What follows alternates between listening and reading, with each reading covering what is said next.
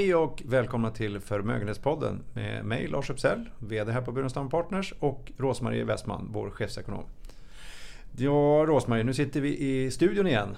Eh, förra gången var vi live här den 24 september från eh, Burenstamdagen.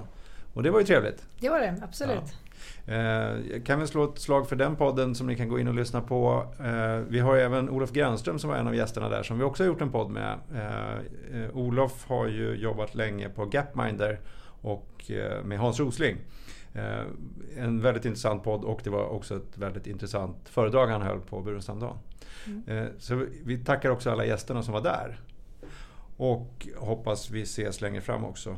Men du Rosmarie, vad, vad kommer vi komma in på idag? Mm. Idag är det maximalt tryck, eh, som jag säger, med, i många frågor som vi har pratat om länge. Och, eh, maximalt är, tryck i tryckkokaren. Precis, och eh, vi har ju igenkänningsbara teman eh, så tillvida att det är Fed vi ska prata om lite grann. Eh, handelssamtal, handelssamtal ja, mellan Kina och USA, Brexit och sen är det oundvikligt att komma in på kronan den här morgonen. Ja.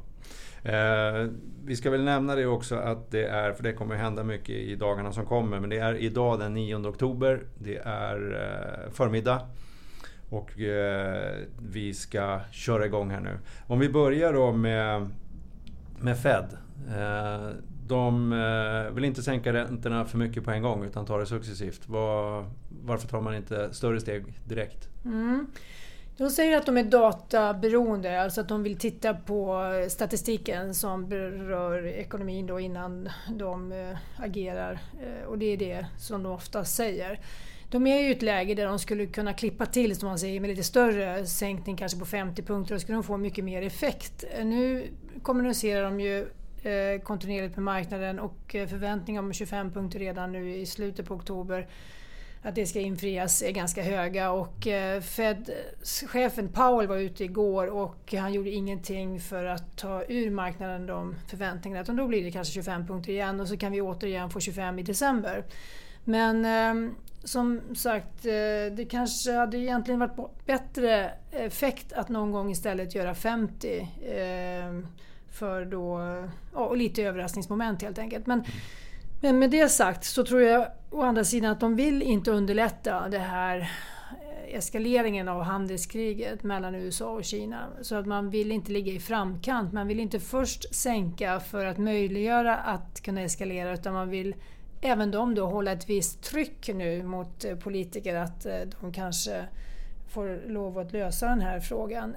Åtminstone vill de inte lägga sig i allt för mycket. Så det är det ena. Så det är väl en förklaring till varför det går så pass långsamt som det gör. Kan man, kan man nämna i det här tillfället också, nu, säkert många lyssnare som redan vet det, men, men ränteläget i USA är ju annorlunda mot Sverige. Här har vi fortfarande negativa räntor. Mm. Och räntan i USA är nu... 2% är den på korta sidan. Ja, så de har ju liksom möjlighet att sänka mm. på ett mm. annat sätt. Mm. Det har de och eh, vad de annonserade igår, om jag får komma in på det, eh, det är att de ska nu starta med att köpa obligationer fast den här gången mycket mer kortfristiga, alltså korta antingen statsskuldväxlar som man säger som är under ett år eller, eller korta då, statsobligationer. Eh, och eh, det kommer ju vara en positiv signal. Eh, Fed själva vill poängtera att det är inte vad man kallar kvantitativ lättnad men det går ju inte egentligen separera de två. Det är olika signalvärde om man köper långa. Det är möjligtvis lite mer liksom långsiktig positiv, positiv signal. Men varför man köper korta nu det är för att man vill lösa upp de här knutarna som har blivit att det har blivit eh, ja, likviditetssituationen i USA har blivit eh, lite eh, mer ansträngd än vad det var tänkt. Eh, det är lite märklig timing på det också. Man tänker att om man ändå har sänkt två gånger så blir det då mer ansträngt på den korta likviditeten. Det är ju lite ologiskt. Men så har det i alla fall blivit. Så det är en timing som är oberoende av varandra. Men, men, eh, men hur som helst, de har öppnat upp för detta att de nu ska bygga ut sin balansräkning igen. Och vad får man för effekter då när man eh, handlar på mellanlånga räntor? Mm. Då är det de som kommer gå ner mest och det såg vi igår. Eh, då var det en liten reaktion då, 3-4 punkter ner på de korta obligationerna och så var det några punkter upp på de långa. Så då får man det som kallas att man får en så stigande räntekurva. Stigande räntekurva ja, den blir brantare säger ja. man. Och den här när man har väldigt flackt mellan korta och långa obligationer, det är då vi har den här recessionssignalen då att de långa kanske till och med ligger under de korta. Så, där. så det, det är ju ett sätt men, men det är inte så man undviker en recession bara för att man mm. manipulerar eller vad man ska säga påverkar då. Om man säger, yieldkurvan är ju den här ja, eh, namnet för, för hur obligationerna, räntorna ser ut för olika löptider. Eh, för man, bara för att man påverkar den så, så kanske inte är så att man undviker, det i sig undviker inte en, en recession, att man undviker en, en flackare kurva. Men jag tycker ändå att det är lite genomtänkt. Eh, då har man lite mer krut, kanske gör andra saker längre fram och eh, så blir det marknadens uppgift att sätta de långa räntorna utifrån då inflationsförväntningar. Så i det här läget finns det egentligen inget som talar för att de behöver påverka långa räntan utan de gjorde en ganska klok sak tror jag, igår. Om vi tar Riksbanken istället då. De eh, har ju signalerat att de vill fortsätta höja räntan, åtminstone komma upp till noll kanske. Mm. Eh, hur påverkar det här eh, Riksbankens möjligheter och, och kronan sen i förlängningen? Mm. Ja, ehm, de vill ju gärna höja 25 punkter som vi har beskrivit och eh, det kommer väl bli ganska svårt att göra det. Om vi tittar i korta perspektiv fram till årsskiftet så tror jag det kommer bli svårt. Och eh, vi vet ju inte hur eh, ekonomin kommer utvecklas på kort sikt. Om det, blir, det ser inte ut som någon dramatik nu men alla är ju rätt överens om att det blir lägre tillväxt nästa år. Och det tycker jag inte är, Eh, ja, det är ju inte kontroversiellt längre utan det finns en samsyn kring det. Och eh, då är det klart att då behöver den situationen, eh, de här förväntningarna och även utfallet i ekonomin, det behöver stabiliseras då innan man går in med en höjning. Så det kan, det kan nog dröja. Men de skulle fortfarande kunna göra så att de inte sänker. Och det är ju ett, ett alternativ de har att faktiskt stå kvar vid den här 25, första 25 punkterna de har gjort och sen eh, låta det vara oförändrat. Då ligger Sverige på minus 0,25 då ett tag till i sådana fall.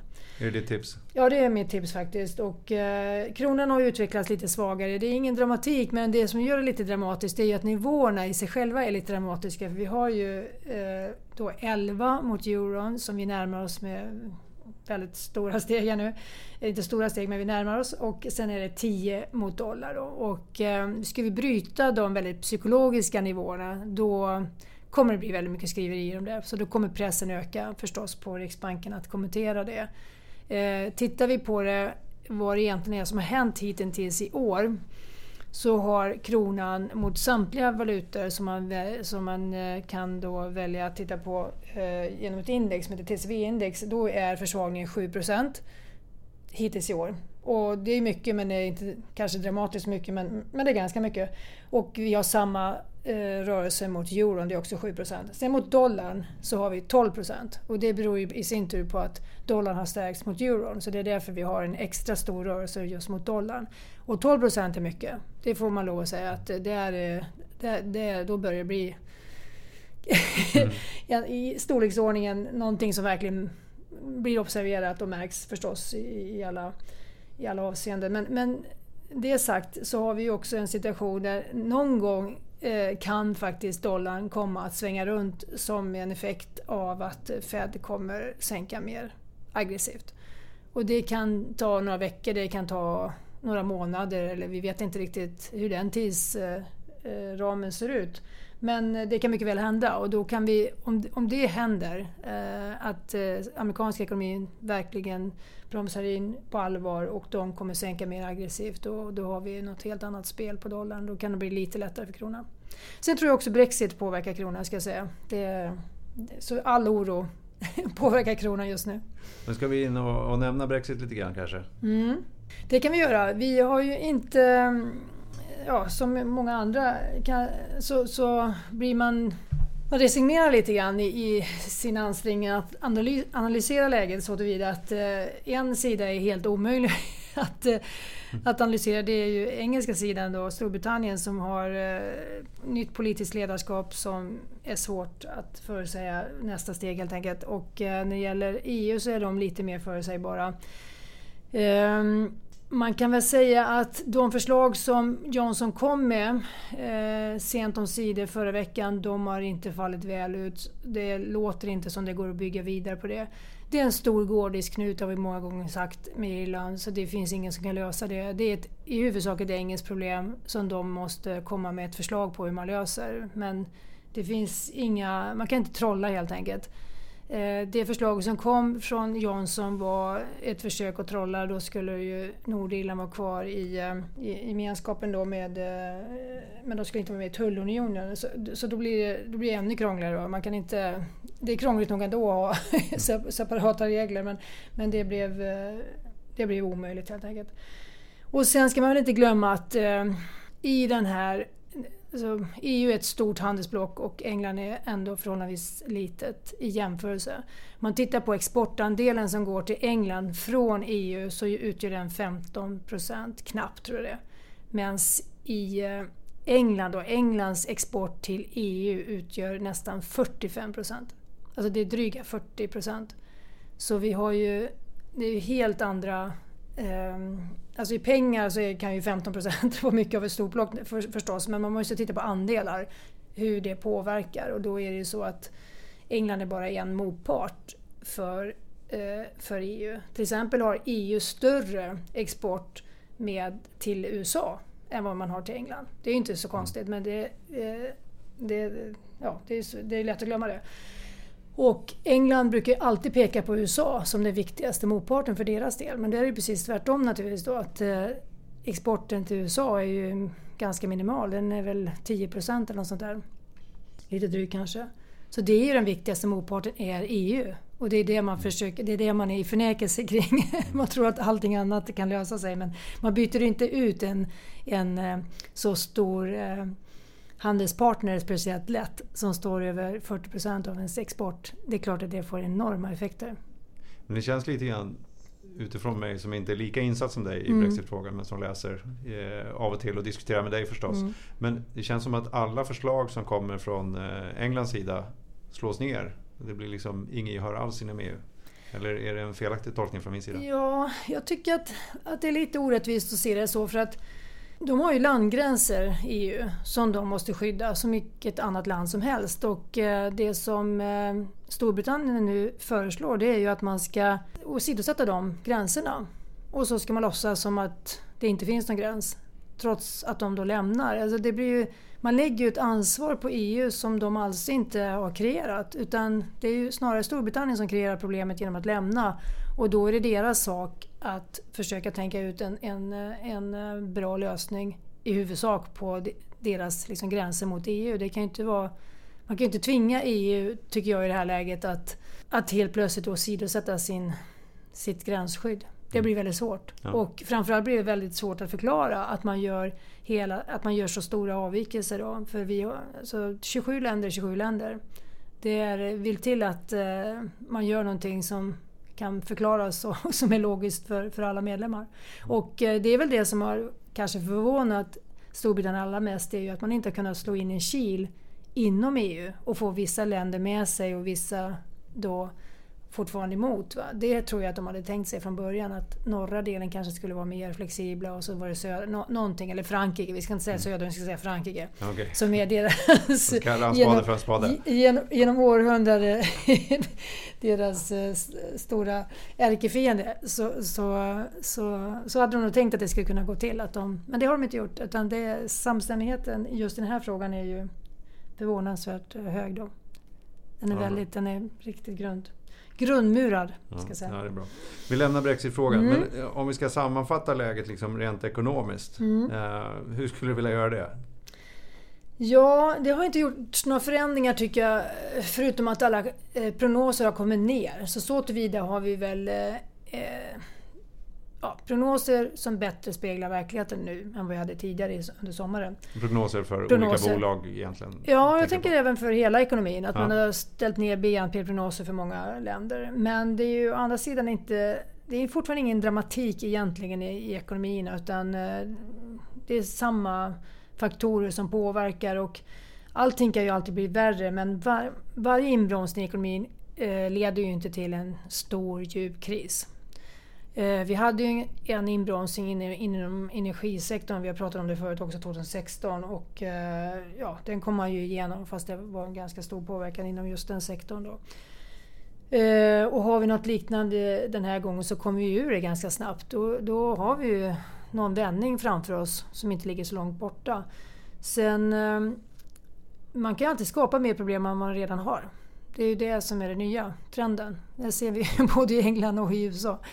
Så när jag säger maximal press, då, titt, då, jag sett, då tittar jag på framförallt USA, hur de hanterar nu eh, Kina, relationen med Kina inför samtalen. Handelssamtalen ska gå igång nu i, imorgon.